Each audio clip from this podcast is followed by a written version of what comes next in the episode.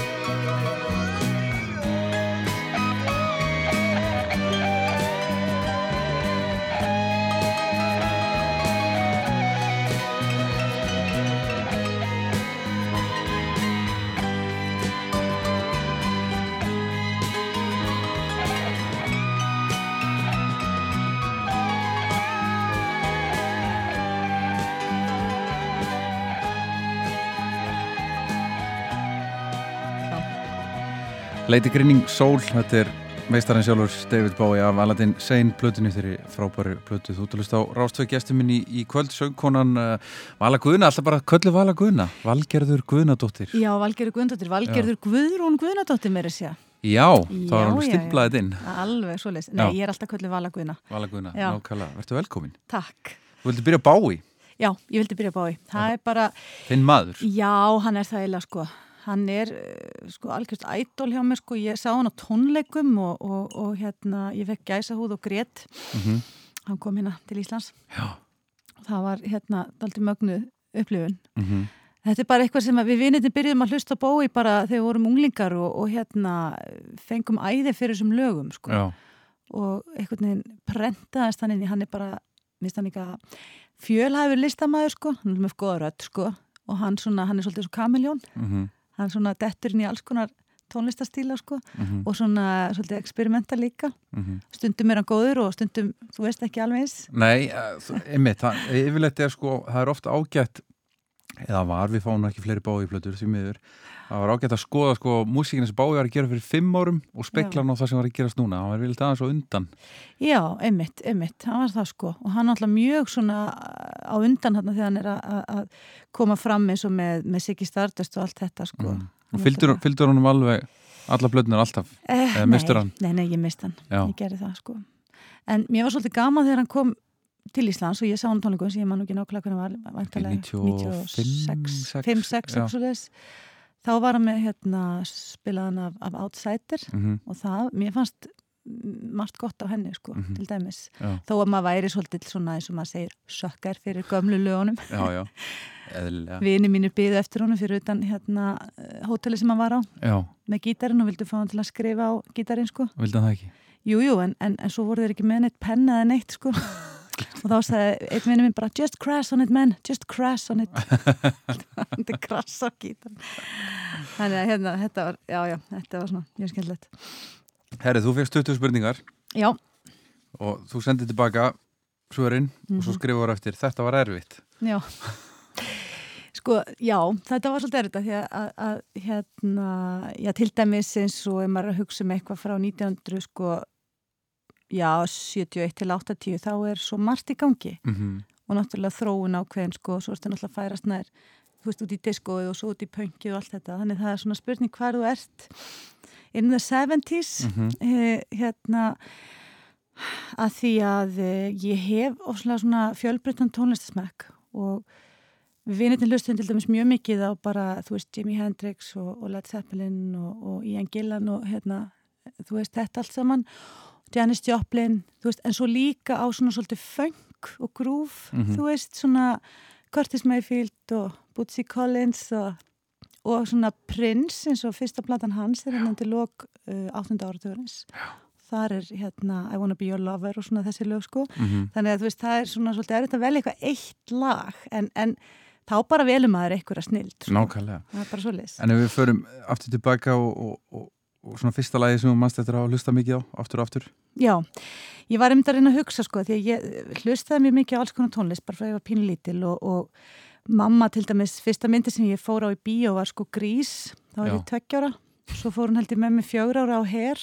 Já, þannig að, að hún hafði mikið áhuga á tónlist og hlustaði á fjölbreytta músík og, og, og uh, hún var hrifin af svona eins og Marianne Faithfull og Janis Joplin og svona flottum uh, hippa söngun. Já, svona hippasöngum, samt er mjög ólíkt henni, hún var náttúrulega, þú veist, hennar kynsla því hún fætt 32 Já, hún var ekki hippi. Nei, nei, nei, nei, nei, sýstu mín er svona slefið í það, Já. elstu sko, yngst af sexískinum, en uh, Það er gott Já. að vera örverfi, sko. það er fínt að vera örverfi, það er það. En þetta lag sem að, sem sagt, eh, við ætlum að hlusta næst, er svona lag sem að ég man eftir að hafa aftur og aftur og aftur, það var til á okkur spólu, það var held ég á plötu heima hjá vinkonu minni uh, og alltaf að reyna að syngja með, sko Já, þetta bara, þetta bara var einhvern veginn, þetta er bara svona stert í, í minningunni sko, ég, ég held þetta hafi verið með okkur kassettu heima sko, mm jafnvel, mögulega.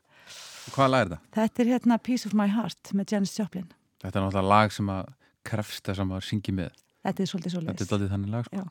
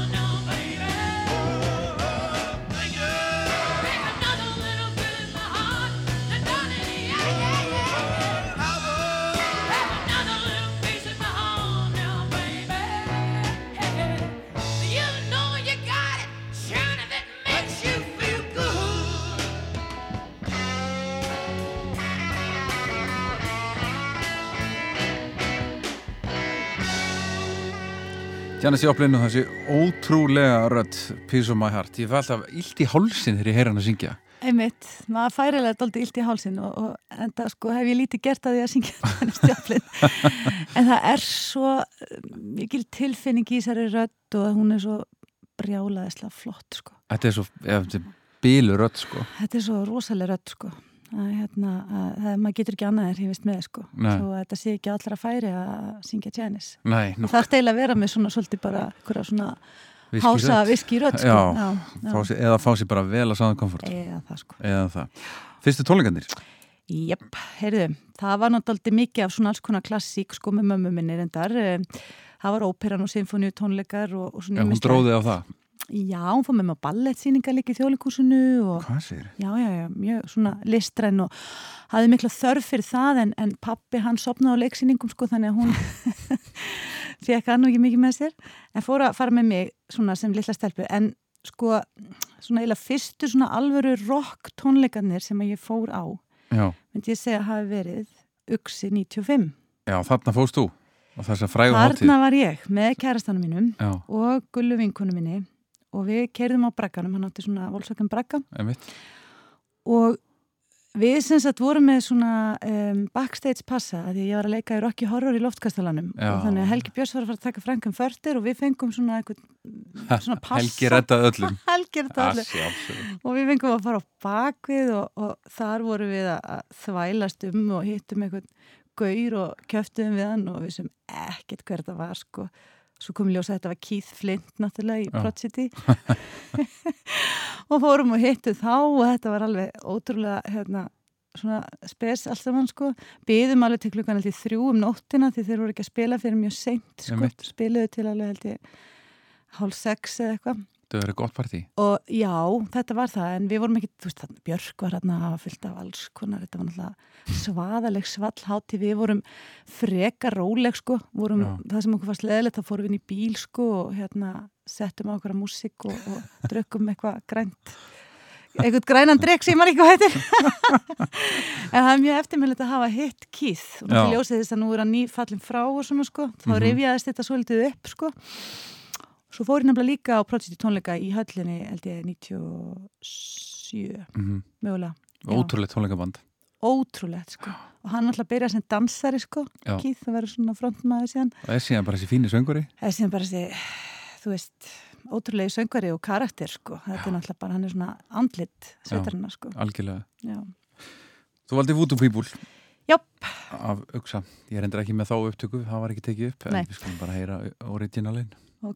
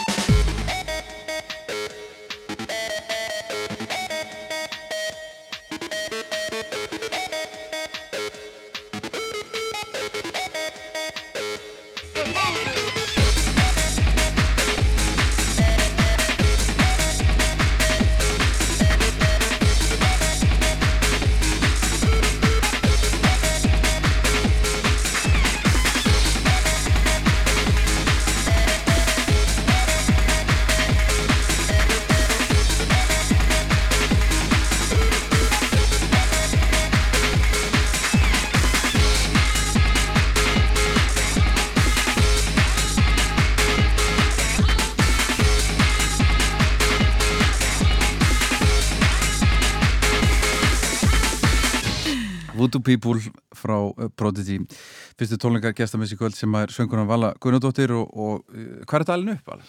Ég er alveg upp í langkólskörfunum, Já. fættist á langkólsveginum og, og hérna gekk í langkólskóla Mm og ólst svona bara upp í lögadalunum lögadalunum var nú bara hálfgeir sveit þegar ég var krakki sko. Það var það? alltaf listigarðinu var hana og, en svo voru ennþá, þú veist, sveitabæir og hestar í gerðingu og móar og melar og svona Já, sko. já, já, já. þannig ég man mjög vel eftir þessari uppbyggingu þegar var verið að, þú veist, búa, gera allt svona fínt og byggja þennan uh, hústýragarð og allt þetta sko. Mhm. þannig við leikum okkur mikið þar og ég ólst upp líka bara, þú veist, ég var að leika mér fyrir neðan klepp og þar þar Einmitt. voru við vinkunarnar að syndi sjónum og vorum ekkert að pæla einhverju klóækja að neina sko. Nei, og svo voru bátar og svona þarna nýri sundum og þetta var mjög svona skemmtilegt hverfi til þess að alast upp í sko Já, og hérna, og langarskóli var það var mjög gaman í langarskóli, þetta var svona eh, svona kröftugur hópur af krökkum þar, mhm sumir hefur sagt að væri nú einhverju villingar en manni fannst þetta ekkert með að við breiðholti sko. Þannig að hérna. Já, þannig að það er svona heima hverfið í það er í heima hverfi, já, Já. og er yngst af sex sískinum og við erum sem sagt uh, ég fætt 76 og, og elsta mín er fætt 53 Já, þannig að þessar elstu voru fluttar að heiman en ólst upp með bræðurum mínum og varð fyrir miklum áhrifum einmitt, e, bæði frá mömmu varandi tónlist og líka bræðurunum sko. Mm. því þeir voru að hlusta á, á svona þú veist, alls konar músík sko, sem að mér er ekkert dótt í hjólust á sko. Ást að stelast inn í herbyggi til þér þú voru ekki heima Já, svona, þar heyrði maður í Deep Purple og Metallic og okkur svona, svona hljómsveitum Nákvæmlega En svona eitthvað sem mannst þetta fóröldrætti voru mikið að hlusta á? Já, e, þau hlustuðu á, eða sko mamma hlustuðu á mjög fjölbreytta tónlist. Pappi var meira svona í ákveðinu, hann elskaði Fats Domino og náttúrulega Elvis Presley og mamma aftur hún, þú veist, var að hlusta kannski á La Traviata og svo hlusta hann á Dr. Hook og hún, Það var eitthvað Dr. Hook æði það á var. Dr. Hook æði. Ég veit, það, ég skil bara skil ekki hvaðan það kemur Nei, það, ég veit ekki heldur sko, það var einhver Dr. Hook plata heima sem var mikið spiluð sko, sem allir áttu vel alveg.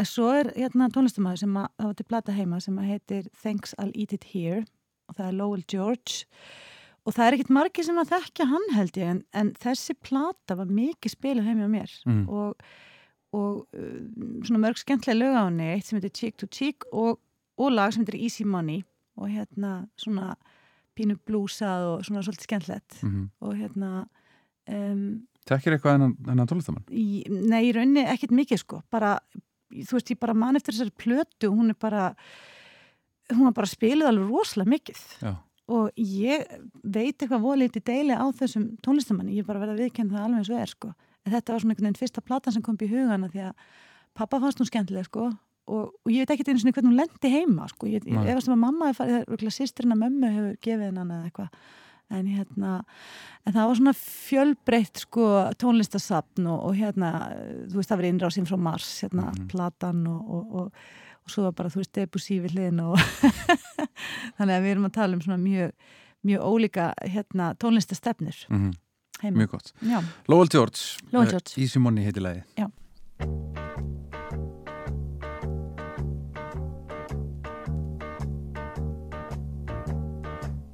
There was a Joe. He was leaning on her back door, couple chills.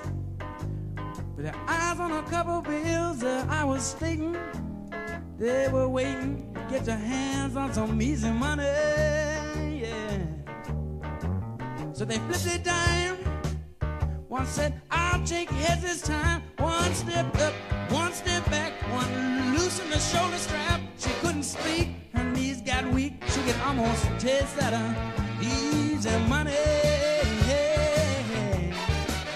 Yes, there was an old black cat, and he was sitting in an old black Cadillac. This Joe smelled sweet, so she curled up at her boyfriend's feet. She said, I got a plan. Listen, Sam, how's just like to make some easy money? He said, Oh yeah, oh yeah. Just tell me what you want me to do. She said, Oh baby, you can trust me, baby, but you must be. hiding in my room at a quarter to two, yeah. Can't tell the boy, come up the room and play with my toys feel such a babe, She wasn't gonna sit around and wait, but this guy got wise to the lie. He flies out the door without his money. Yeah, uh, there ain't no man who got money in his hand who got her into that bed. Slow in the head, the looks, the harder it. Well, there ain't no such thing as easy money.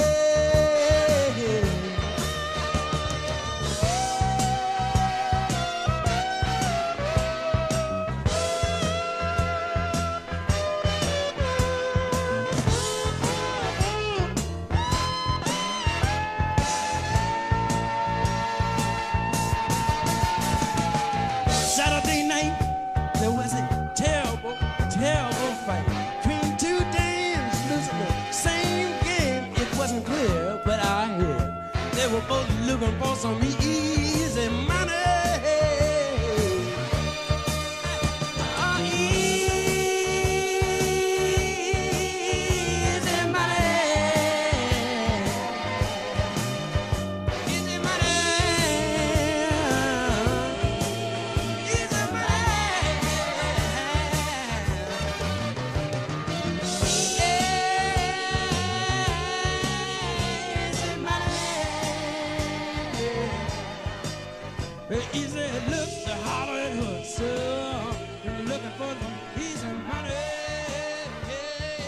Money, þetta ljómar mjög ameríst Þetta er eflust kanni. Þetta lítur að vera kanni sko. Herru Vala, uh, Sagbinda Sælan Lægi sem þú sagðir yngum að það er gaman af. Já, í æsku Já, það er hérna er alltaf, það er svona ímislegt sko, maður hérna Í laumi. Er þetta þegar að það var vamm og tjúranæði? Já, sko, ég var einmitt að spá í þetta með vamm og djúrana því ég var sko djúran djúran aðdáðandi Já, og, og en svo fannst mér svona alveg eitt og eitt lag með, með vamm, verður alveg gott sko. Það segja þetta allir veit það, Þetta þetta- er miklu betra pop. Já. Miklu betra pop. Það er svona daldi og svo náttúrulega setna mér svona hérna á tíundu áratögnum og þá hlustaði maður mikið á George Michael og, og Freedom og náttúrulega spilaði alveg í ræmur sko. Mm en um, það er einn karakter við fyndin hérna sem að við vinkonuna laumuðumst til að hlusta á. Í mjög miklu laumi, vorum að passa manni í vesturbænum og hérna og ég held að við höfum hreinlega að tala um þessum ekkert að tala um því sem að hlusta á þetta sko. það var sko Rod Stewart. Jaha, og hérna og það var eitthvað, ég veit ekki okkur okkur fannst þetta eitthvað hallarslegt eða eitthvað svona en þú veist, hann einhvern veginn, við vorum ofta eitthvað sérstaklega ég og Tinna vinkona mér, við vorum mikið svona að hlusta á Rod Stewart svona í laumi sko, en, en hérna uh, þú veist, hann var náttúrulega alveg með síta aftan og hann náttúrulega alveg bara, Mjög síta aftan. mjög síta aftan sko og með sína rámur öll sko. En mér finnst hérna þetta lag sem ég valdi Do you think I'm sexy að, að það stendur nefnilega alveg fyrir sínu sko. algjörlega sko. Þetta er nefnilega, það er svo mikið svona grúfi í þessu lagi og hérna þetta er bara, þetta er bara fínt lag sko. Sammála, Ertu ekki samanlega? algjörlega. Rottarinn klikkar aldrei sko. klikkar ekki með. Aldrei. Svo kom hann hinga, var hann ekki hérna einhverju fegur að samkeppni hérna Jó, um guð, já, einmitt, alveg rétt. hafði til myndir af honum þarna alveg með glóandi faxið? Í hérna með axlapóðana og glimmeri Einmitt, Rod Stewart Do you think I'm sexy?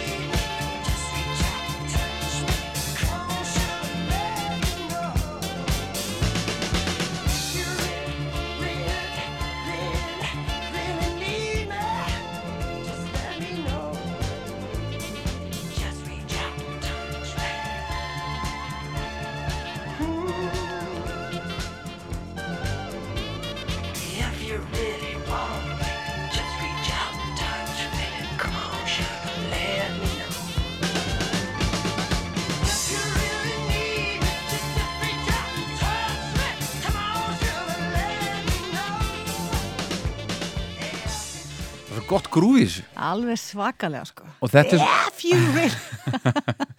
og þetta er eitt af þessum, þessum hérna, ótrúlega vel sömdu poplöfum mm sem að þú kant textan þurfa að heyra það í fyrsta skipti Já, einmitt. Það er bara, sumlögu eru bara þannig, þau eru Já. bara vel samin Já. og þau standast einhvern veginn tímans tönn. Já. Sko, Nákvæmlega þó að maður hérna hafi skammað sín pínlítið fyrir að hlusta á Rott Stjórn, þá sko, það maður nú ekkert að skamma sín fyrir þetta. Sko. Nei, nei, það nei, gæti nei, alveg verið verra, bara, einmitt, Það geti verið verða sko. Herru, þá var það uh, áratöðalögin Já, áttundi áratugurinn, 70s einmitt, það var eins og ég var að segja sko að þetta er erfitt. Já, að, að það, það greipum sig einhvert uh, svona áttunda hérna, áratuga æði þegar ég var unglingur sko. Ásamt því að við vorum að hlusta þú veist á hérna á Lenny Kravitz og, og, og, og uh, þú veist, skilur allar þessar 90s bönd að þá var maður að hlusta á The Doors kannski, það var út af það var myndinni myndi náttúrulega það, Það fór allir í mussur og, voru allir í mussu sko en þá bara einhvern veginn þá, þá þú veist, það, það vatt upp á sig. Hári var svo svona, Já. Það var bara svona það hippa var bara svona músík. hippa músík sko, Led Zeppelin og, og þá náttúrulega kom þetta allt aftur og, og við fórum í kjóla af mömmuna gulluvinkunu og, og heldum einhver hippa partí Já, og bara elskuðum þetta. Tímabil sko þannig að blóm í hárið og Já, já, já, þetta var bara eitthvað, maður fekk algjörst æði fyrir þessu sko. En uh, svo sem sagt kynnist ég strák 93 hérna og hann, sko, hann hefur mjög svona fjölbreyttan tónlistasmekk. Ég var kannski svona, jafnvel aðeins svona hólfaðri af, en hann, kynni, hann er að vin, fer svo að vinna í skífunni, verður vestlunstjóri og hann svona fyrir að uh, kynna alls konar tónlistamenn og tónlistastefni fyrir mér eins og, eins og til dæmis Prince, ég þekkti bara Purple Rain. Já, já, þú veist, ég vissi ekkit hvað hann hefði gert annað.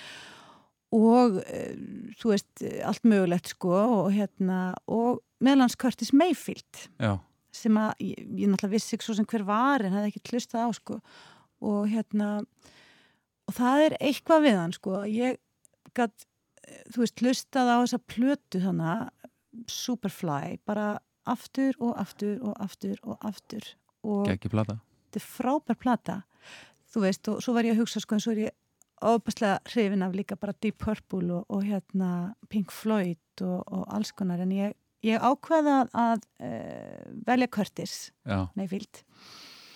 Little Child Running Wild, Wild sem að mér finnst uh, rosalega flott lag. Uppbyggingin í því og, og bara melodían og grúfið og, og, og þetta er svona ekta 70s Curtis Mayfield Já.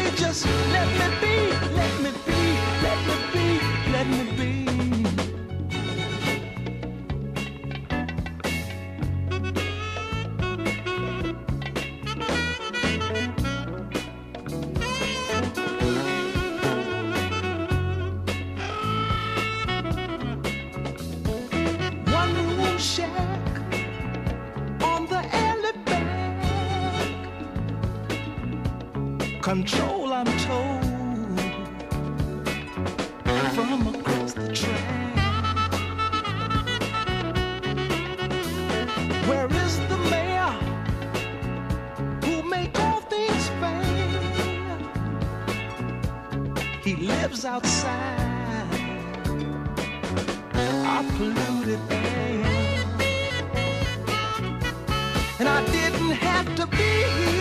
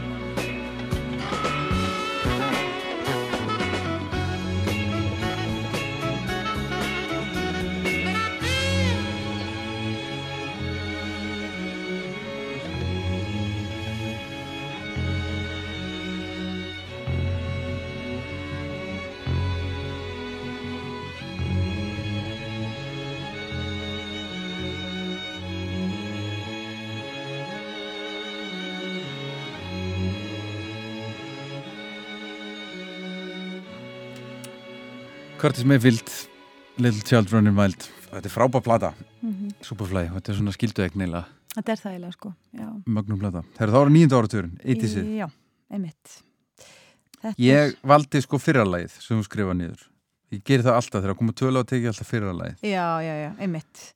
uh, Mér er alveg sama þótt að sé annað lagið hans, þetta er bara það gott sko Já, ég veit það. Þetta er bara frábært lag og ég hlusta En bara... þú mátt skipt um skoðun Nei, sko? nei, nei, nei, nei, ég, ég eh, maður getur sagt að maður elski löga, þá, þá elska ég þetta lag. Og hérna það var svolítið gaman líka bara hérna með, með skonrokkið hérna í den sko, þá fekk maður að sjá alls konar ví, vídjó. Mm og það er mitt sá maður hérna e, svona hérna ímsu til dæmis varði ég alveg bara hilluð af og hálf skammaðist mér fyrir þetta ekki akkur því að hann var eitthvað svona hann var svona pínur svona kynferðislegur það var hérna bóna á YouTube sko þegar þeir var að byrja og maður var að sjá þá í skonrokkinu sko einhver svona, uh, þú veist og, og hérna uh, og David Bowie líka Mhm. og, og þetta svona snið þetta mynd- myndband þarna við þetta lag sko sem ég valdi sem er China Girl á plötunni Let's Dance Mhm. sem að varð uh, svona algjört uh, maður getur slett international success -hmm. að því hann hafði alltaf sko verið náttúrulega svona svolítið uh, hvað ég segja, sérstakur og, en hann þannig náðan einhvern veginn alveg með þessari plötu uh, til svo opaslega breiðishóps út um allt. Og margir báið á þetta sem vildi meina að það hefði bara sold out. Það, það getur verið, já.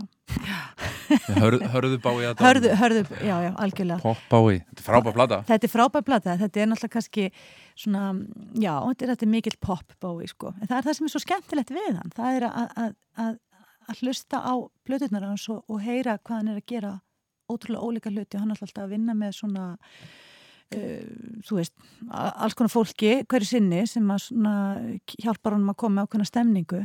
Og þarna var hann í þessu. En þetta lag stendur alltaf fyrir sínu. Þetta er held ég frá 83 er það ekki? Og eh, er að mínu viti bara ég mist þetta bara eitt af hans bestu lögum sko Já, ég get alveg tekið undir það. svona bara sem, já, ef maður myndi hafa eitthvað með svona af þessu já, hvað Já. sé það, poppara China Girl, China Girl Bowie. I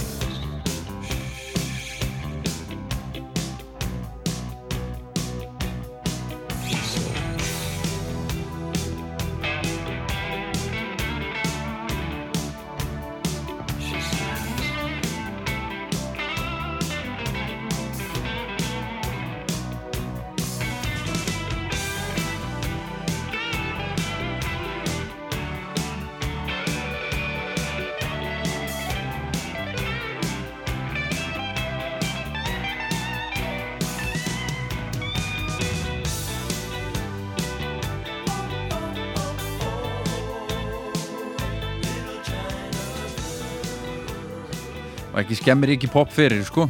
nei, nei, nei, nei, Hann gerir þetta lag ekkert verra, sko. nei, nei, nei, nei það En er það er svo mikið kunst, það er svo lítill munur einhvern veginn á röttunum. já, ég veit það ofsalega lítill Það er sko svona aðeins meiri Já. töffari ekki pop, sko. Já, akkurat. En það er, uh, þetta er alveg ótrúlega, ótrúlega hérna, skemmtilegt einmitt að hlusta á þetta lag. Já. Það er eitthvað, já, það er Mjög flott. mjög, mjög gaman. Það var að tíunda áratugurinn. Já, já, Hann er stúlingur. og hann er júlingur. Og hérna það var mikið hlustað á allskins músik og Fórst í, gruggið? Já, svona, ég ger það daldi sko. Um, ég myndi segja að ég hafi kannski þú veist, það, það kannski svona litaði pínlítið að, að þess að ég var að tala um áðan þetta með hippa æði sem að greip um sig þarna á að ég misti kannski pínu af svona einu öðru sem að var í gangi sko. Já, en um, en það er einn plata sem við hlustum rosalega mikið á vinnetir og það er, það er Actum Baby með YouTube já. Og ég náttúrulega bara, mér finnst þér frábær hljómsveit. Mm um, við vorum líka náttúrulega bara eins og allir að hlusta Nirvana þú veist og, og allt þetta Pearl Jam og, og, og svona Radiohead og, og svona, þú veist, fullt af góðum hljómsveitum og svo ertu með eitthvað svona já, danstónlistin, þú veist, þetta er svo það er svo margt í gangi, þú veist að hérna en ég held kannski samt að, þessi plata einhvern veginn, hún svona, því ég fór að hugsa um þetta þá, þá stóð hún svolítið svona upp úr kannski eh, þú veist, ef ég fór að hugsa um einhverja plötu sem ég hlusta mikið á, sko, og að því það er náttúrulega þegar One kemur, þú veist, það verður svo brjálæðislega vinsælt og maður hlusta svo mikið á það. Og en svo einhvern veginn að því að ég er svo mikil dansari í mér, sko, mér er svo gaman, þú veist, ég dansa heim í stofu, skiluru, ein með sjálfur mér. Uh, dættur mínum stundin til svona mismikill að gleði þannig að, að oft svona ef að lögur með góðu grúfi og, og svona einhverjum, einhverjum svona, svona góðum feeling og, og maður getur aðeins svona reft sig, þú veist við þau þá svona höfðu þau oft til mín. Og hérna, og ég valdi lagið eh, Mysterious Ways af þessari plötu, Frábær plata. Mhm. og geggja lag. Geggja lag. YouTube Johnny,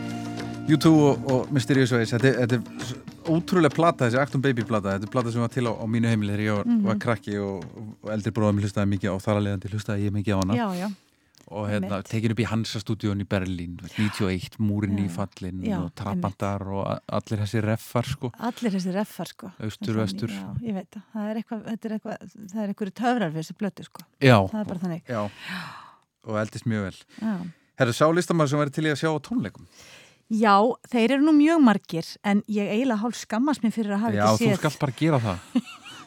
Hann var alltaf ég þyrði að setja þetta á blad sko. það er bara einhvern veginn hefur það bara ægslast þannig. Ég er líka stundur svolítið sein að taka við mér sko. Já, þú veist, ég, ég fór ég, sagt, ég byrjaði miklu setna að hlusta John Grant heldur en til dæmis bróðið minn, samt var ég búin að þú veist að ég man ég var að gefa plötuna hann í, í jólagjafir og allt þetta, en ég bara einhvern veginn er stundur svona það tíma til að, þú veist, mér finnst hann svo brjálaðislega músikalskur Það er hann, já, og mér finnst hann hafa ó, það er það, veist, hann, hann hefur svo góða rödd. Þú veist, hann, hann syngur og þarna kemur svona þessi raddpervertismi í mér skiluru það er þetta með að að pæla í röddum. Þú veist, Mhm. mér finnst það er ofuboslega gaman að pæla í röddum. Mhm. bara sem með David Bowie, mér er svo gaman að pæla í röddin hans og svona, en þarna ertu með einhvern sem syngur, hann syngur svona lýrist ef maður getur orðað þannig, þú veist, hann svona hann, þú veist, hann syngur, hann getur, hann getur sungið svo flottar línur Mhm. þú veist, að þetta mismöndi hvað hva lög á við og svona en, en það er eitthvað svona eh, seiðandi hljómur í röddinn hans sem að mér finnst bara uh, hvað ég að segja, eiginlega algjörlega stórkostlur Mhm. og hérna, mér finnst mjög leiðilegt að hafa ekki séðan á tónleikum og ég ætla bara náttúrulega úr því mjög fljótt sko. Hann er jafn góður á sviði og á blödu sko Er það ekki? Jú, Já, jú, hann er nefnilega það sem hann er, því að það, það er ekki eins og með hérna Simon Le Bon en við erum það Nei, ja, þú veist, að, að það er oft svo frustrerandi þegar þú ert með einhverja tónlistamenn sem eru opaslega fínir í stúdíu og það er alveg búið að, laga þetta allt til en svo, svo þú veist mér fannst reyndar alveg gegja til dæmis þegar ég sá Prins á sviði Mhm. e, í London að mér fannst hann sko ekki síðri heldur en að hlusta Nei, nei, nei. Þó að hann væri með allar þessar próduseringur og allt þetta, hann var svo brjálaður brjálaðslega flott, ég fór mér sér eftirparti og allt skiluru, ég var svo nálætt honum og svo leiði yfir mig og hann allt annað. Hvað segir Já, það var mikið að fólki hérna og ég var bara eitthvað fyrir svo og- miklum hughrifum eða eitthvað, ég veit ekki. En allavega að hérna, það er voða gaman þegar að- fólk einhvern veginn er líka gott á sviði. Já. og gaman að heyra það. Þannig Mhm. ég laka mjög til að drífa mig á tónleika með John Grant. GMF valdurum. John Grant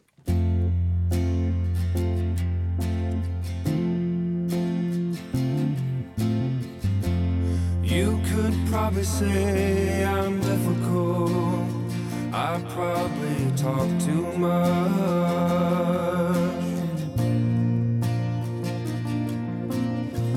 I overanalyze and overthink things. Yes, it's a nasty crutch.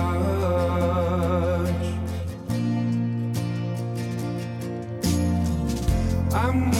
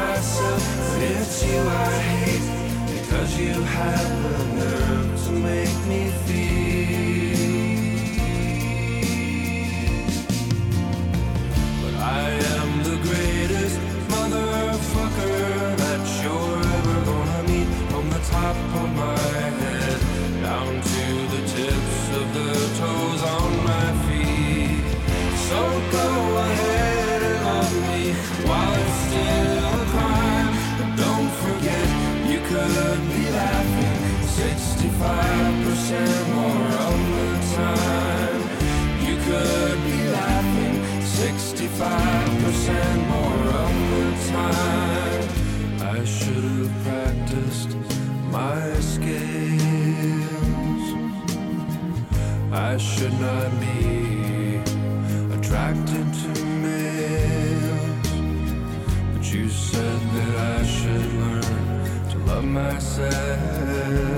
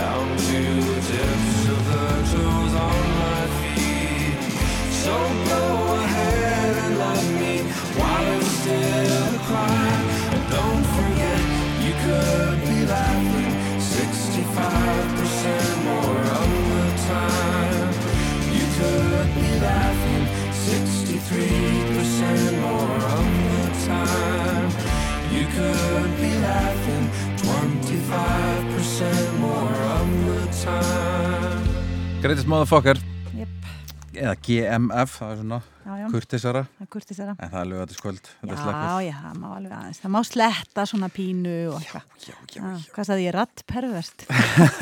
já, það er þetta mjög gott sko.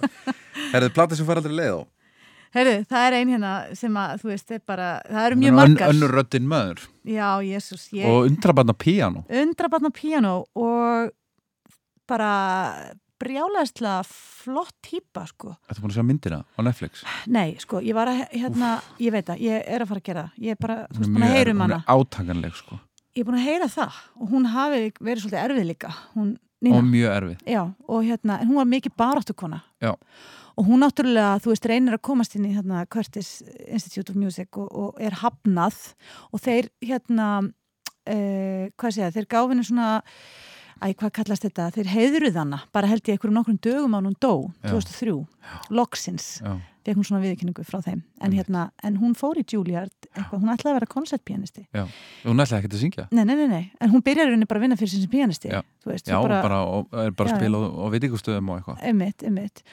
Um, og en það sem er svo gaman einmitt með, ég hef rosalega mikið hlusta þá, ég bara sem sagt, á plötu heima sem heitir bara Best of Nina Simone. Og Já. eru bara, þú veist, Don't Let Me Be Misunderstood og, og Love Me og Leave Me og, og hérna fullt af flottum lögum. Og hérna The Other Woman sem er eitt af mínum uppáhalslögum mm brjálæðislega flottlega en á þessu lagi sem ég valdi er Love Me or Leave Me. Er, er, einmitt fær maður að heyra hvað hún er flinku pianisti meðal annars. Og hún er annars að taka svona hún, þú veist bara eins og ofta er gert í jazzinum Bach og blandaði sama við og þetta er rosalega, rosalega vel gert. Mm. og hún er frábærsönguna með svona djúpa rödd en ég hlakka til að sjá þessa mynd Já, hún er, já hún, er, hún er mjög góð hún er Já. alveg átakaleg og mjög, mjög vel gerð Mhm. maður fær hérna uh, maður skilur þetta allt sem hann aðeins betur hana sem Já. barátkonu og, Mhm. og svona uh, hvað hún er að syngja og hvernig hún er að syngja maður þá svona, Mhm. já, nú ég skil einmitt, einmitt. En hún var erfið maður. Já, já, já, já, ég náttúrulega bara lesið um hana og svona og, og, en það, það er eitthvað hún er svona einmitt brjálaður músikant og, og flott, flott típa sko. Og ég hef tekið lög hérna, Nínu Simón lög og, og sungið á tónlöngum sko Mm.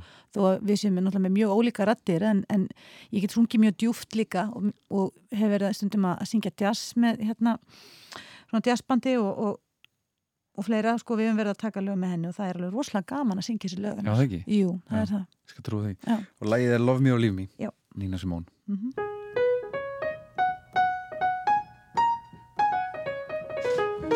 Love me me and let me be lonely.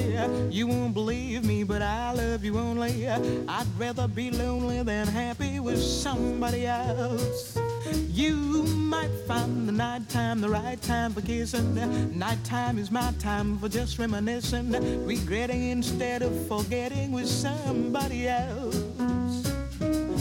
There'll be no one unless that someone is you. I intend to be independently blue. I want your love, don't wanna borrow. Have it today to give back tomorrow. Your love is my love, there's no love for nobody else.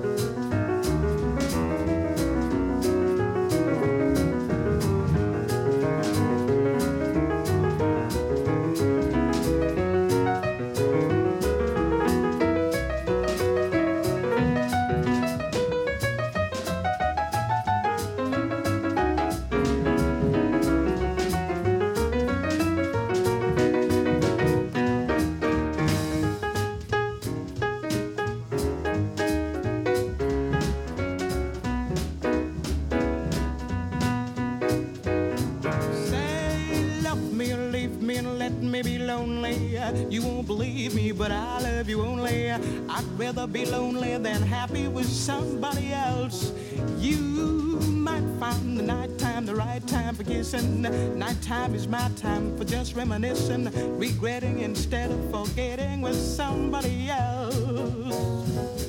There'll be no one unless that someone is you. I intend to be independently blue. Say, I want your love, don't wanna borrow. Have it today to give back tomorrow. Your love is my love, my love is your love. There's no love nobody else.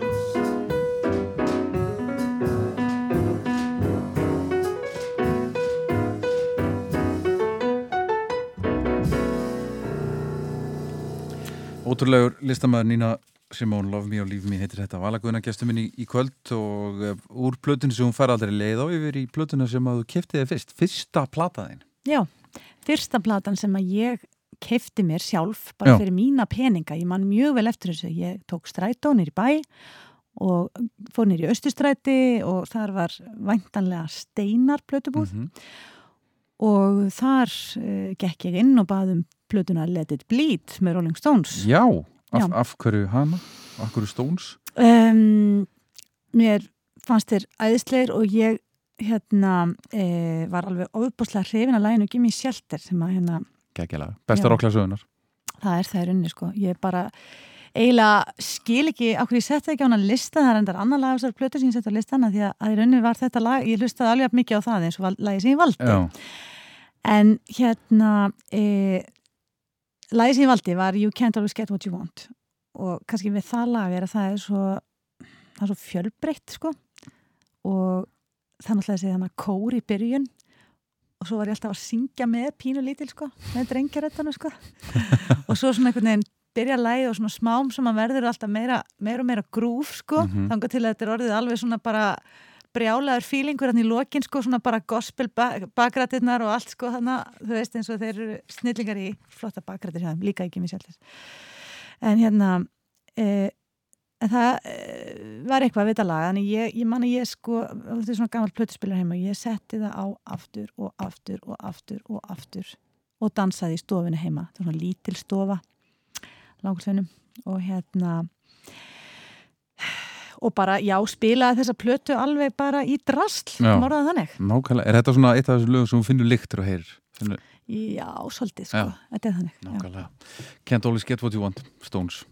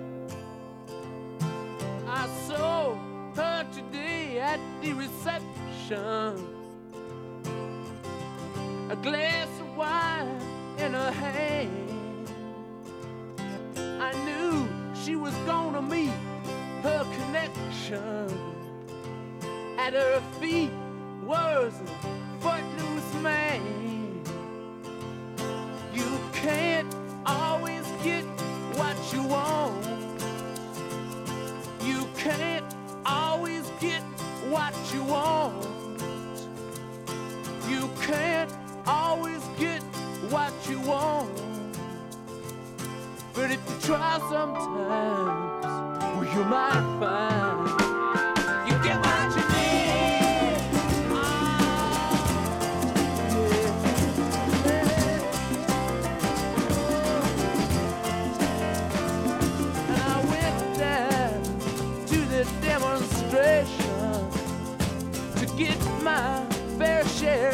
of abuse. Singing, we're gonna vent our frustration. If we don't, we're gonna blow a 50 amp fuse. Sing it to me.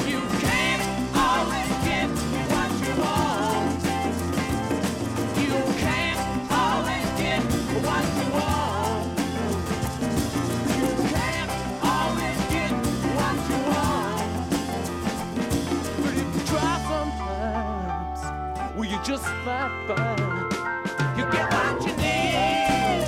Oh, baby, yeah. Oh. I went down to the Chelsea drugstore to get your prescription filled.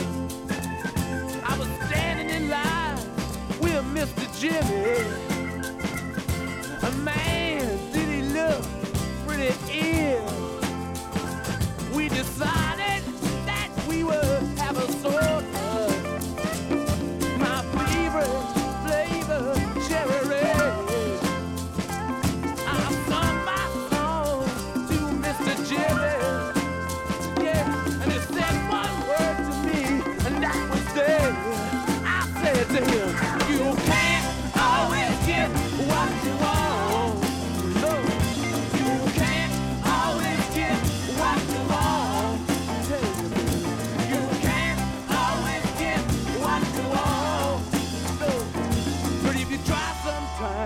Might find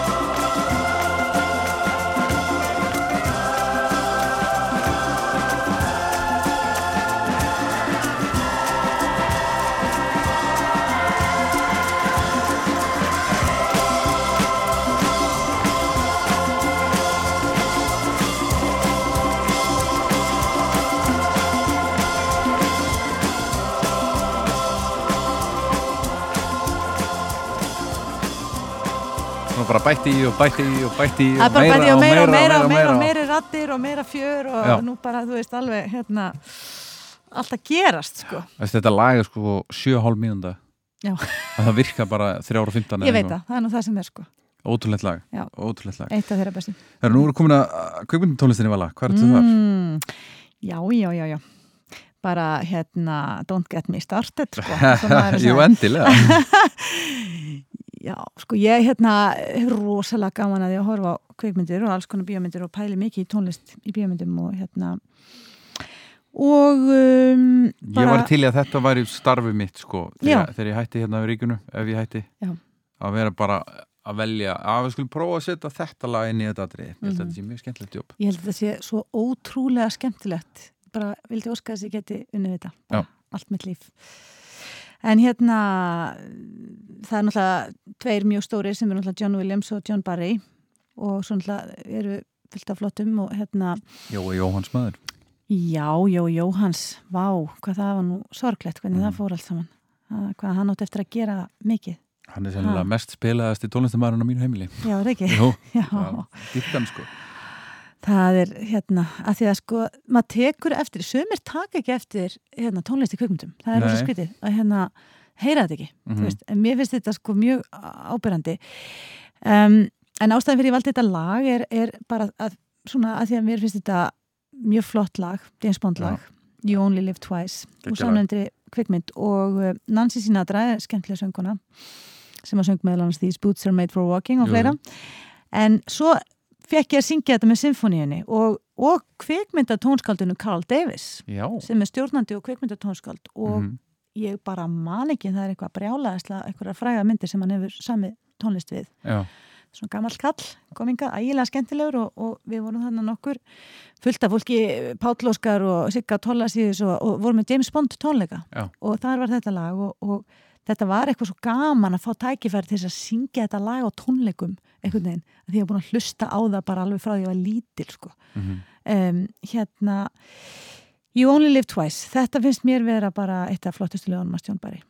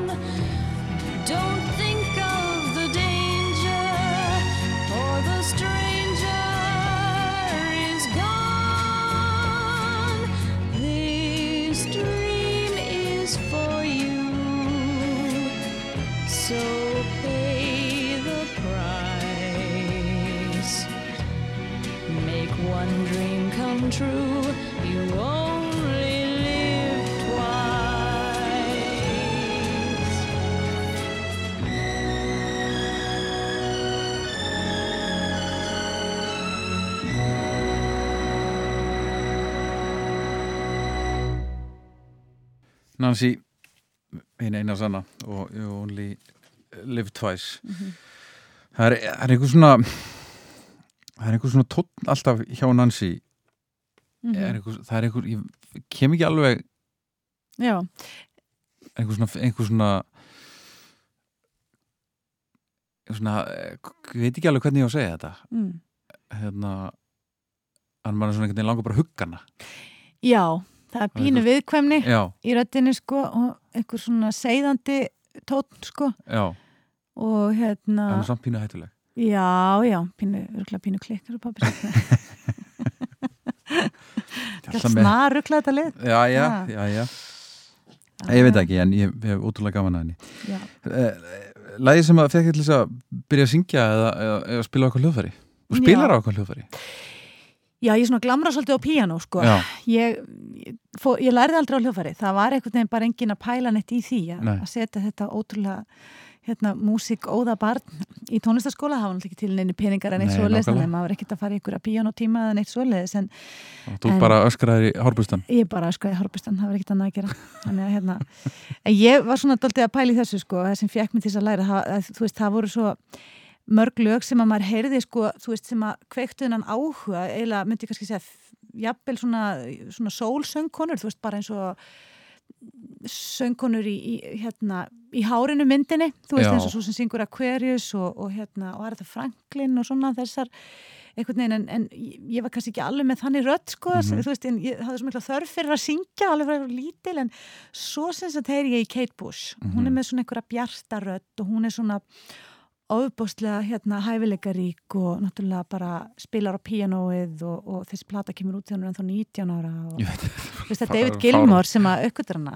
þú veist, í rauninni að hjálpar hann að gera demo, veist, Svo hún- bara, hún svo bara hættur hún. svo bara hættur hún, veist, þetta er ótrúlegt en Ótrúlega ferill. ótrúlega sérstætt sko, svona ung, en hún einhvern veginn hafði þess að svona björtum pínu skrýtnurödd en það var eitthvað við hana sem að svona ég hugsaði að mér langar að verða svona söngkona. Svo kannski sá ég líka vídeo þar sem hún dansar um í einhverjum svona rauðum kjólum á einhverju engi og fannst hún alveg bara geggja flott sko. Og svo setna fór ég að náttúrulega hlusta meira á svona einhverju óperusöngkonur og fá áhuga því. En, en ég myndi segja að hún hefði haft svolítið mikil áhrif á mig, Kate Mhm. Bush. Já, og hérna þannig að eh, og þetta lag sérstaklega Wuthering Heights sagan hafði líka svolítið áhrif á mig sko, bókin hmm. Kate Bush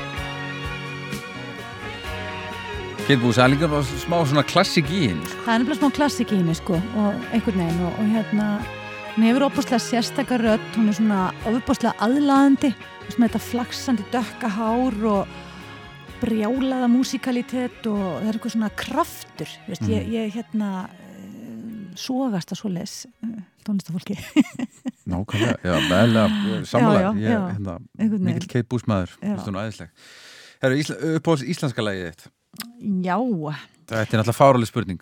Þetta er fárlega spurning. Ég veit ekki alveg, þú veist. Ég fór bara hérna að því að ég var nú svona í smá nostalgíu stemningu hérna í lögunum í, í dag sko, eða kvöld.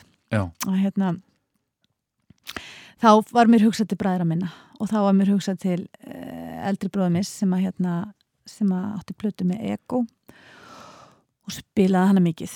Já, og ég held þetta sé breytti tímar, það ekki? já. Platan breytti tímar, það er sem sagt uh, lagið Stóri stráka fór aflost. Mér finnst þetta frábært lag. Mér finnst þetta frábært texti og mér finnst þetta frábærlega sungið. Mm og þetta minni mig á því ég var bann Já, og mér fannst þetta eitthvað forbóðið og þeir og bubbi. Hættulegur. Hættulegur og þetta var eitthvað svona þetta er allt þetta pöngatna og rocki í Reykjavík og þetta maður er bara krakkið þegar þetta er sko. Þannig að þetta var allt svolítið svona eitthvað forbóðið allt sko eitthvað eitthvað svona lið sem var pínu hættulegt sko Já, og hérna það, Það er svona- and roll Ég veit það og það er það sem er sko þetta, og þetta er svo skemmtilegt, maður verður fyrir svona mjög áhrifin þegar maður er krakki að fá að heyra alls konar tónlist mm. -hmm. það er svo, mikilvægt að að halda alls konar tónlistakrökkum Já. þú veist, ekki bara láta þau leikun í eitthvað eitt heldur að kynna ímislegt fyrir þeim lusta á þetta og svona því að þú veist, þetta hefur, eh, finnst mér góð áhrif á mann maður verður svona opnari fyrir hérna tónlistar eh, já, tónlist og tónlistastefnum og svona og Mhm. bara Já, ég myndi segja að þetta sé svona eitt af, af betri íslensku lögunum sko. Stóri strákar fárálust Yep. Ego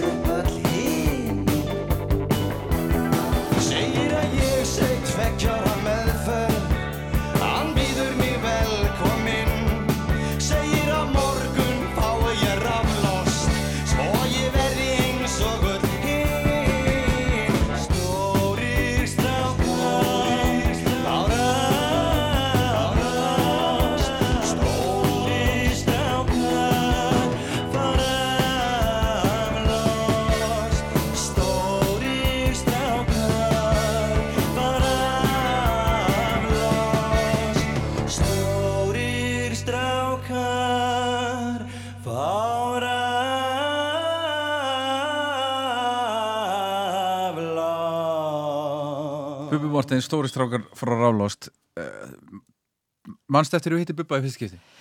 Æ, Fyrsta skipti sem þú hittir Bubba? Já. Þá Nokkurn gerðist eitthvað. Það gerist eitthvað sko. Hvað? Uh, ég kiknaði honum. Nei, við vorum í mjög fyndinni leiksýningu.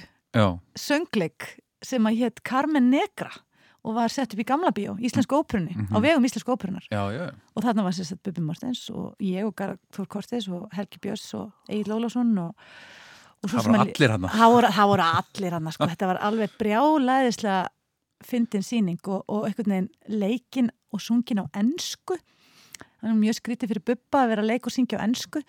En þetta var alveg óheirilega hérna, eitthvað svona skemmtileg, skemmtilegur hópur. Jónsi líka í svörtum fötum hann var líka. Og hérna já, já, já, fullt af fólki sko þannig að ég, ég svona minnir að ég hafi hitt hann fyrst svona, þú veist, persónlega sko. Já, Já. já, þá, Einmitt. það sko Var hann í kögur í, er þetta, kö- þetta er kögur í eitthvað tímbilið ekki? eða köður ég eitthvað tímabili, ég held að já, já, já. Herra, nú spyr ég uh, söngkonuna um karaoke-leið þá kemur nú að country fraseringunum skal ég segja Já, er það ekki? elskan mín, það er eitthvað sem að ég hef haft mjög gaman að því að leika mér að og er ekkert sérstaklega góð í að vísu en, að en syngja country Nei, ég svona hef ekki alveg þetta svona þessar country snullur allar en, en ég, ég, hérna, ég svona, eh, hérna, hef metna fyrir því að- að bæta mig sko. Já. þannig að þá tekum maður 9 to 5 með Dolly Parton Já, og hérna það er, hún er, og, hva, og hvert ferðu með þetta lag? Þeir reynur bara að gera því sem góð skil eða já, ég er nefnilega alltaf góð í því sko, ég er orðin alltaf góð í Ég því. efa það ekki ég veit sko. það og það, ég er hérna, svo var svo gaman sko, svo settum við upp hérna, ég er að kenna í söngleikin til, settum við upp söngleikin 9 to 5 sko. Já, og hérna, mér finnst það náttúrulega alveg ótrúlega gaman og ég leikst til honum. Og hérna, en þú veist, þetta er svona lag sem ég mann eftir úr myndinni henni den og þetta var svona eitthvað sem mamma hefði búið gaman að Dolly Parton og, og hérna, hver hefur ekki gaman að ég Dolly meina Parton? hvernig er annað hægt, manneskjan er snillingur. Já. Ég meina hún er frábær lagahöfundur Mhm. hún er frábær sönguna og hún er með svona svo mikið tala ég um músikalitet, svona eins og mamma alltaf tala um músikalitet ó, það er svo mikið músikalitet hérna, en hún er með svona alveg country fraseringar döðans sko það er Svo er líka dref fyndin sko. Já, og hún er bara brjálu típa og þú veist, hún er, hún er svona karakter, Já. þú veist, það er, það er engin hérna, Það er einhver engin loknmálla og hengilmænu hátur yfir þessari konu, skilur Nei, hún er verið. bara alveg einlæg í sínu Parton sko. það er bara einn Dolly Parton Já. og hérna, það er alveg sikalega gaman að syngja 9 to 5 í karaoke, mæli með því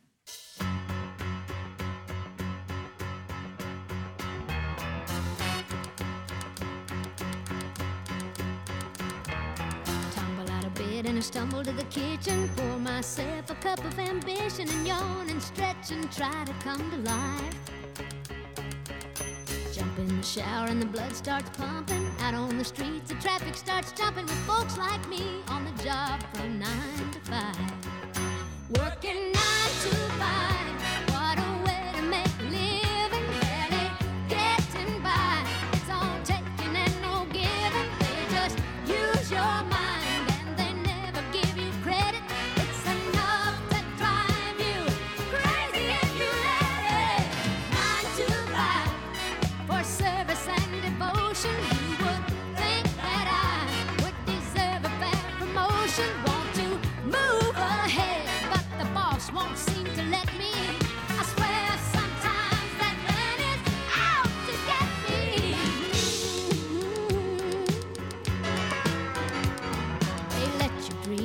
watch him shatter. You're just a step on the boss man's ladder, but you got dreams he'll never take away.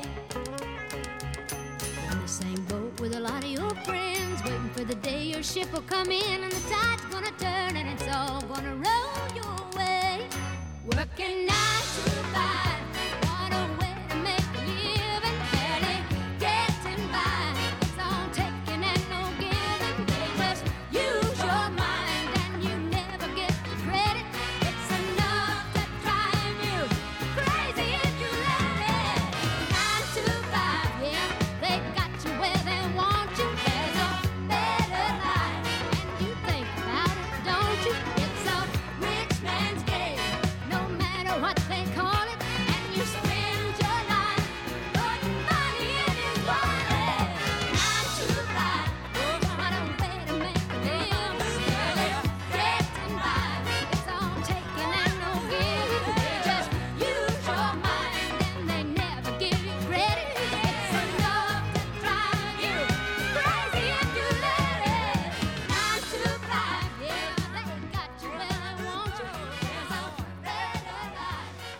Dolly, hinn eina sanna.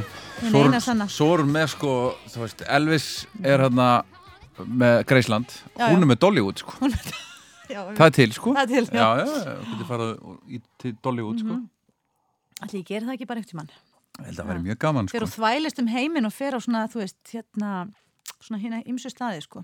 Já, nákvæmlega, við erum einmitt komin að, heiminum ferðalögin. Og, og finnst þið gaman að ferðast og hvert, hvert viltu ferðast? Heyrðu, ég er hef mjög, já, ég er nefnilega mjög mikill ferðalangur. Ég hef mjög gaman að því að ferðast um Ísland, mikið gert að því með, hérna, dætu mínar og, hérna, fara bara í tjald og, og keirum landið og, og hérna, þú veist, þvælast upp á fjöll og alls konar. Og svo hef ég mjög gaman að því að ferðast um heiminn og hef þvælst töluvert. Nú, uh, ég fór með þessi til Rúmeníu núna í fyrra og, og, fór þar að ganga í Karpatafjöllunum og klifraði upp á einhvern háan klett með einhverjum hérna leiðsöðumanni sem að hérna taldi mig vera nú hæfa til þess og það gekk sko, ég, ég, ég dósum sér ekki en ég held um þetta. Og hérna og var þar að þvælast í einhverjum norður hér minnum einhverja hestvagna og mér er að segja keirði sko til Úkrænu með ekkit hérna aukuskýrtinni við ákveðum að skella okkur til Úkrænu því að það var þarna bara á, á landamærunum hjá Rúmeníu og Úkrænu og, og Um, svo leðin tilbaka þá, ég fatt að ég er ekki með aukurskiptinu og Guðni bróði keiri tilbaka og þá byrjaði á að spyrja sko driving, driving license, do you have any pistols? Do you have any drugs? Það var fyrsta sem þið spurðum sko. Svo frétti ég maður hefði bara getað lendi í fangilsi og öllu möguleg ég bara held ég væri með aukurskiptinu sko. En ég svona, já, hef þvælst svona ímislegt og ekki nógu mikið samt sko. Þú veist, minnst ég of langt hérna á þessu skeri frá alls konar spennandi áfangastöðum en áttur en, einhver svona em, upp, uppáhaldstað, uppáhaldsborg sem að svona, sko ég bara hvað ég segja, ég hérna ég var alveg ofbáslega hrifin að San Francisco. Já, og ég var mjög til í að fara þangað aftur og oft. Mhm, uh, og ég var mjög hrifin líka af uh, Budapest. Já. af vísu er ég ekki mjög hrifin af, af pólitíska ástandinu þar núna með hennan hérna, hræðilega uh, mann hérna, Viktor Orban sem að ræður ríkjum þar en ég ætlum ekki fórt í pólitíkina. En hérna en um, síðan eitt staður sem að á svona sérstaklega staði hérstan á mér og það er Sikilei já, þar þanga fór ég og, er og mjög fallegt. þvældist um og þar fór ég í lítinn bæ sem að er upp í fjöllum þarna rétt hjá Tár mína og þar var nefnilega Godfather eh, myndin tekin Já. og hérna, það er mjög skemmtilegt. Þannig að ég er mikill ferðapjessi og á hvað hlusta ég á ferðalögum. Ég hlusta náttúrulega á bara allt milli heimis og jarðar. Þú veist, það eru, stundum er sko bara eru 80s playlistar í gangi en það er eitt lag sem er mjög oft spilað. Og það er Ring of Fire með Johnny Cash. Það er svona, þegar maður sest í bílinn og við erum að fara stað, allir komnir, þú veist og við erum að fara að keira og við erum að fara eitthvað austur og ætlum að tjalda og þá er svo fínt að byrja á þessu. Þetta er svona, hei, við erum að fara í ferðalag lagið, þannig ég ákvaða að velja það. Mjög gott.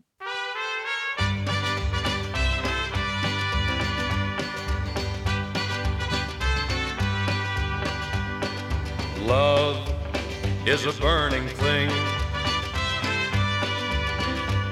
and it makes a fiery ring. Bound by wild desire, I fell into a ring of fire. I fell into a burning ring of fire. I went down, down, down, and the flames went higher. And it burns, burns, burns, the ring of fire, the ring of fire.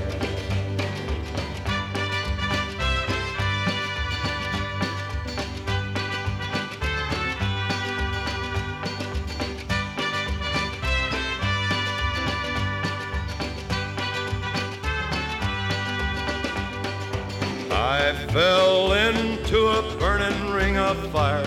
I went down, down, down, and the flames went higher. And it burns, burns, burns, the ring of fire, the ring of fire. The taste of love is sweet when hearts like ours meet.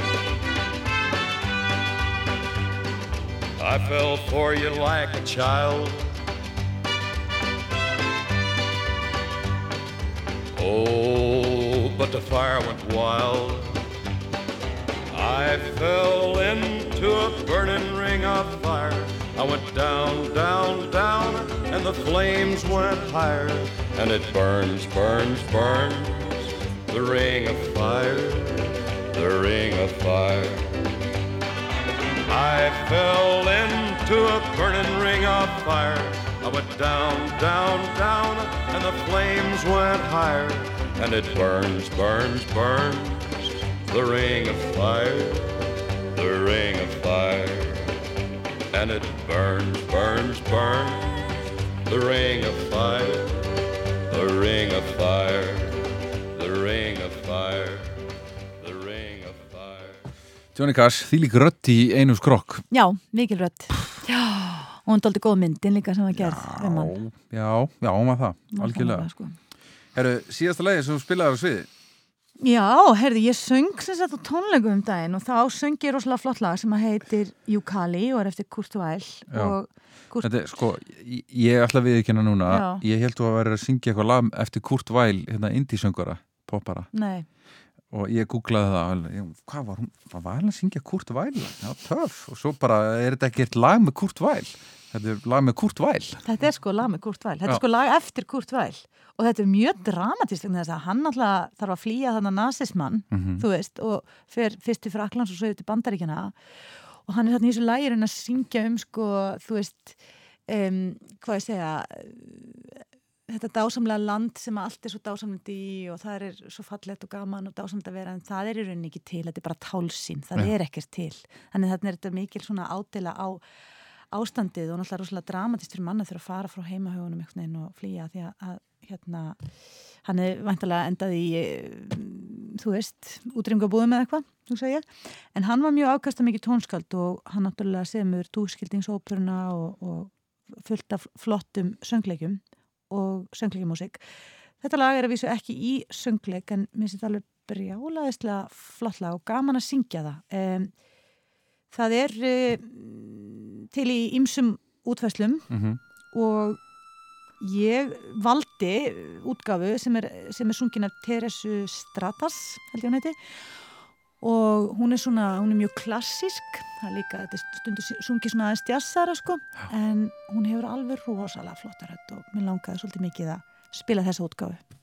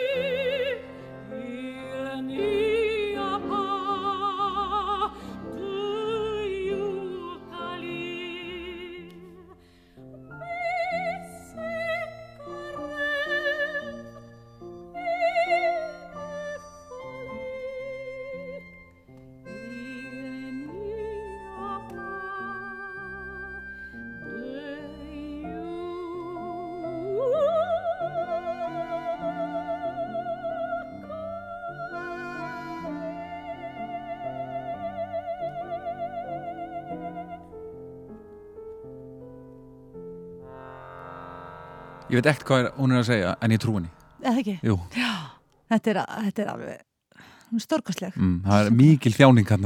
Já, það er mikil tilfinning. Já, betur. Það henda mér ágætlega. Ég Já, er alveg svona tilfinningakona. Það eru síðasta lagið sem þú dildir á samfélagsmiðlum. Ah, Jésús, ég er svo ríkala lélega í þessu máli sko, að það er alveg vandræðilegt sko. Já. en ég var að auðlýsa einhverja tónleika sem ég var að taka lög af plötu sem ég gerði 2010 Já, sem heitir Draumskóur þar sem kennir ímis að grasa og meðal annars tók ég lag eftir, hérna, eftir hana Kate Bush þar og ímislegt fleira. Með texta eftir bróðum minn en þar er sérst lag sem heitir Við Arineld sem erst mjög fallegt lag og ég hugsa þetta sé eitt af fyrstu lögum sem Maggi Eiríks samti textin eftir Kristján frá Djúbalæk og hérna mér þykir mjög vænt um þetta lag. Þetta er fyrsta lagið á plötunni og hérna um, platan er þannig að það er bara, það er bara strengir og gítar svona í flest öllum lögunum og svo einstaka um, sem sagt kemur inn á milli einhver einu lagi, eitthvað smá, eitthvað trommur eða bongo eða eitthvað pínu sko en annars er þetta bara samastendurinn af þessu sem er svolítið skemmtilegt og svolítið gaman, ég hef bara gert eina sóloplötu, það er þessi plata og ég er alltaf stolt af henni, mér finnst hún flott sko. Mm. þannig að ég held með minnir að ég hafi deilt þessu lagi til að ég var með tónleik í salnum eitthvað tímann og hérna, kaupið með það. já, kaupið með það, ég er hérna Við Araneld.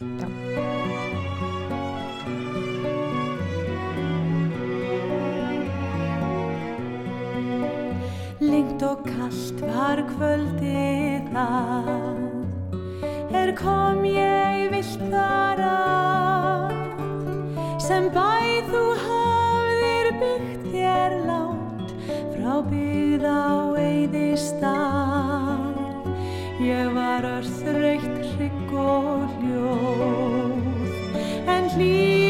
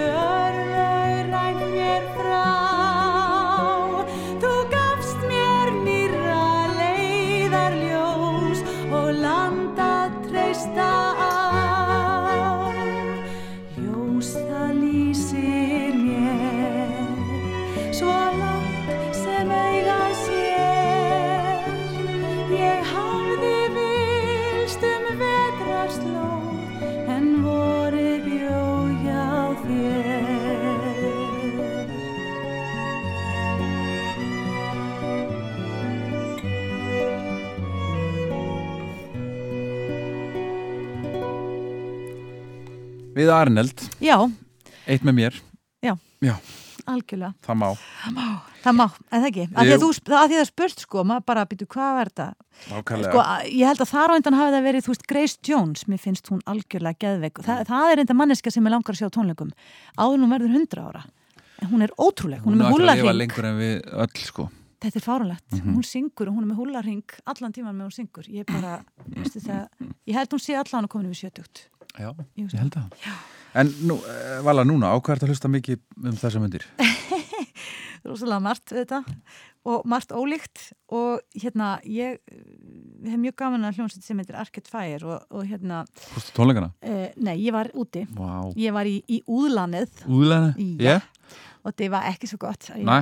það er ekki sett það var, það var mikill hérna bömmir að sjá það ekki en hérna Já, ég myndi sjá þessi hljómsveit á tónleikum Þetta Já, er bara já, með já, betri tónleikum sem ég séð sko. Þetta er bara frábært þau eru náttúrulega rosalega þú veist, eitthvað svona fjölhæf Mhm. rosalega fjölhæf tónlistafólk. Og hérna en þetta lag sem ég valdi kannski það er bara þetta er eitthvað svo gott bít í þessu og þetta er, þetta er svona lag sem er alveg briljant að setja á heima, þú veist bæðið langar hans að bara svona eitthvað dansa með sjálfum þér í stofinni eða þú ert að fara að búa til lasagna eða þú ert bara eitthvað, veist, eða þú ert bara eitthvað eitthvað staðar Mikið appa í þessu lagi Já, það er bara eitthvað svona grúf sem að, sem að mér er skemmtilegt og grípandi. Þú veist, þetta er, þetta er pínu einfalt, en það er samt svona, það er eitthvað, það er eitthvað, eitthvað við þetta lag sem að mér er skemmtilegt, sko. Og lagið Lagið er Signs of Life. Arcade Fire Já.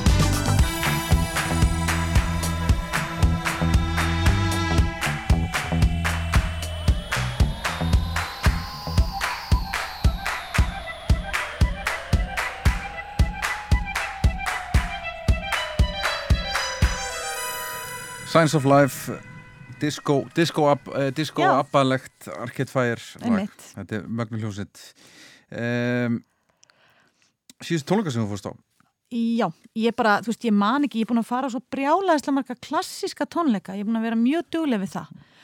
Þú veist, sinfóniu tónleika, óperuna, alls konar einhverja jólatónleika, þú veist, tónleika hjá vinum mínum sem er að flytja einhverja ljóðaflokka og allt mögulegt. En, en svo var ég að syngja tónleikum daginn þar sem að, hérna, hún Æfur var líka að syngja. Og mér langaði bara pínlítið að, eiginlega komið lag með henni, mm því að mér finnst hún hún best. Já, minna, hún er bara, þú veist, hún er svona alvöru listamæður Já. frá hjartanu. Og hún er alltaf mjög hæfilgarik. Hún er með brjálaðislega breytt ratsvið sem er Mhm. óþólandi, nei.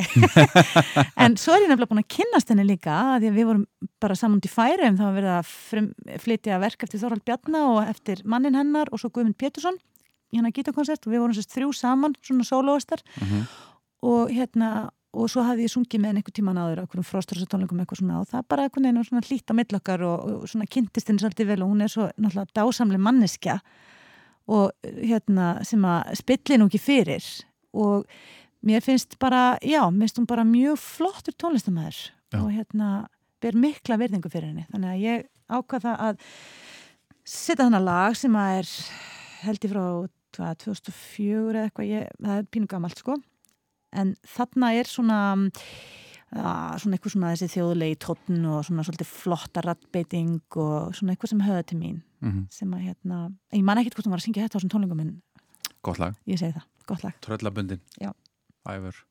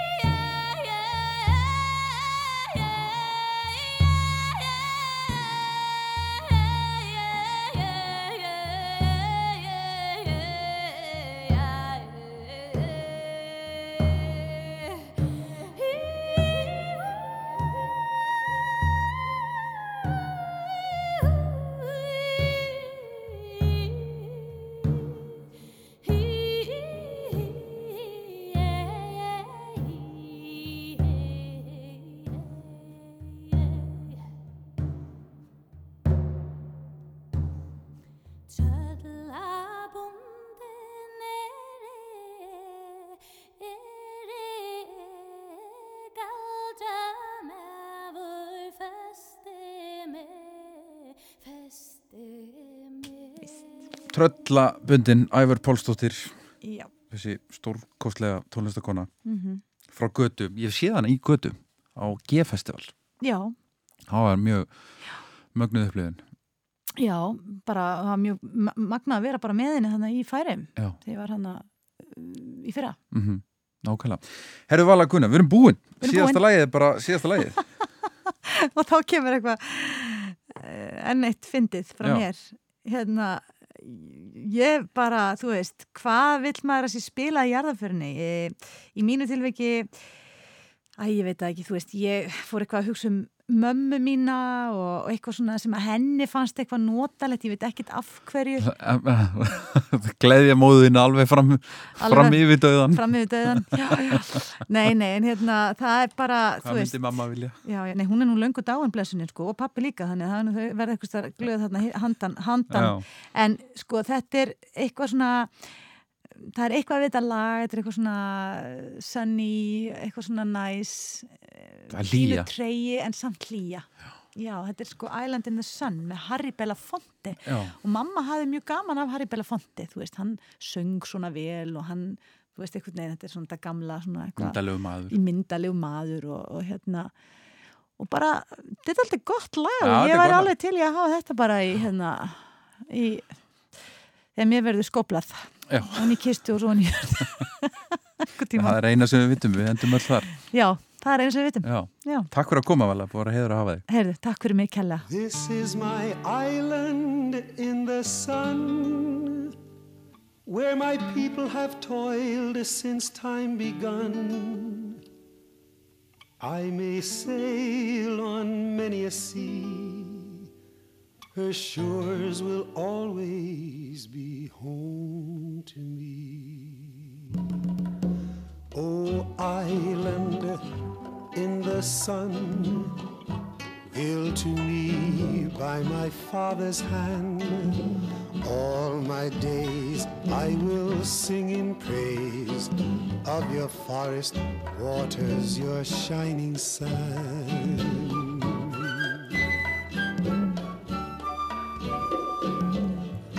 As morning breaks, the heaven on high, I lift my heavy load to the sky. Sun comes down with a burning glow, mingles my sweat with the earth below. Oh, island in the sun, built to me by my father's hand.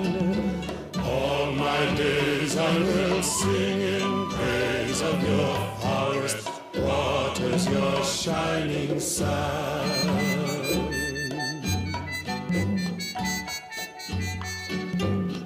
I see woman on bended knee, cutting cane for her family. I see man at the water's side, casting nets at the surging tide. Oh, island in the sun, built to me by my father's hand. All my days I will sing in praise of your forest waters, your shining sun.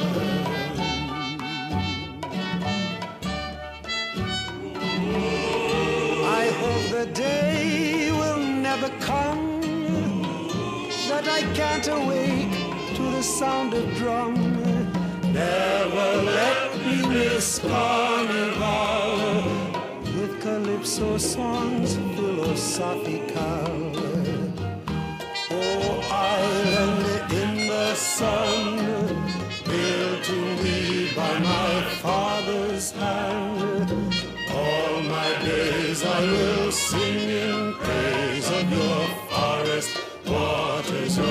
shining sun.